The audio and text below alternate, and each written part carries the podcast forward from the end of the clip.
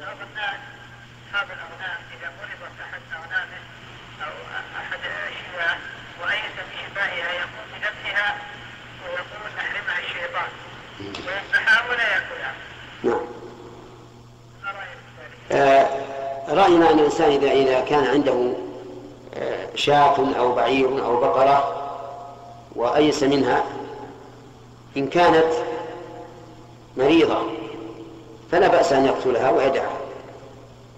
وإن كانت غير مريضة فالواجب عليه أن يذبحها ويتصدق بها.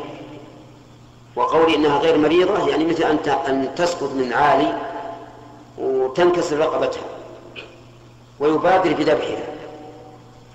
هذه يجب عليه أن يذبحها يعني زكاة شرعية حتى لا تضيع عمليتها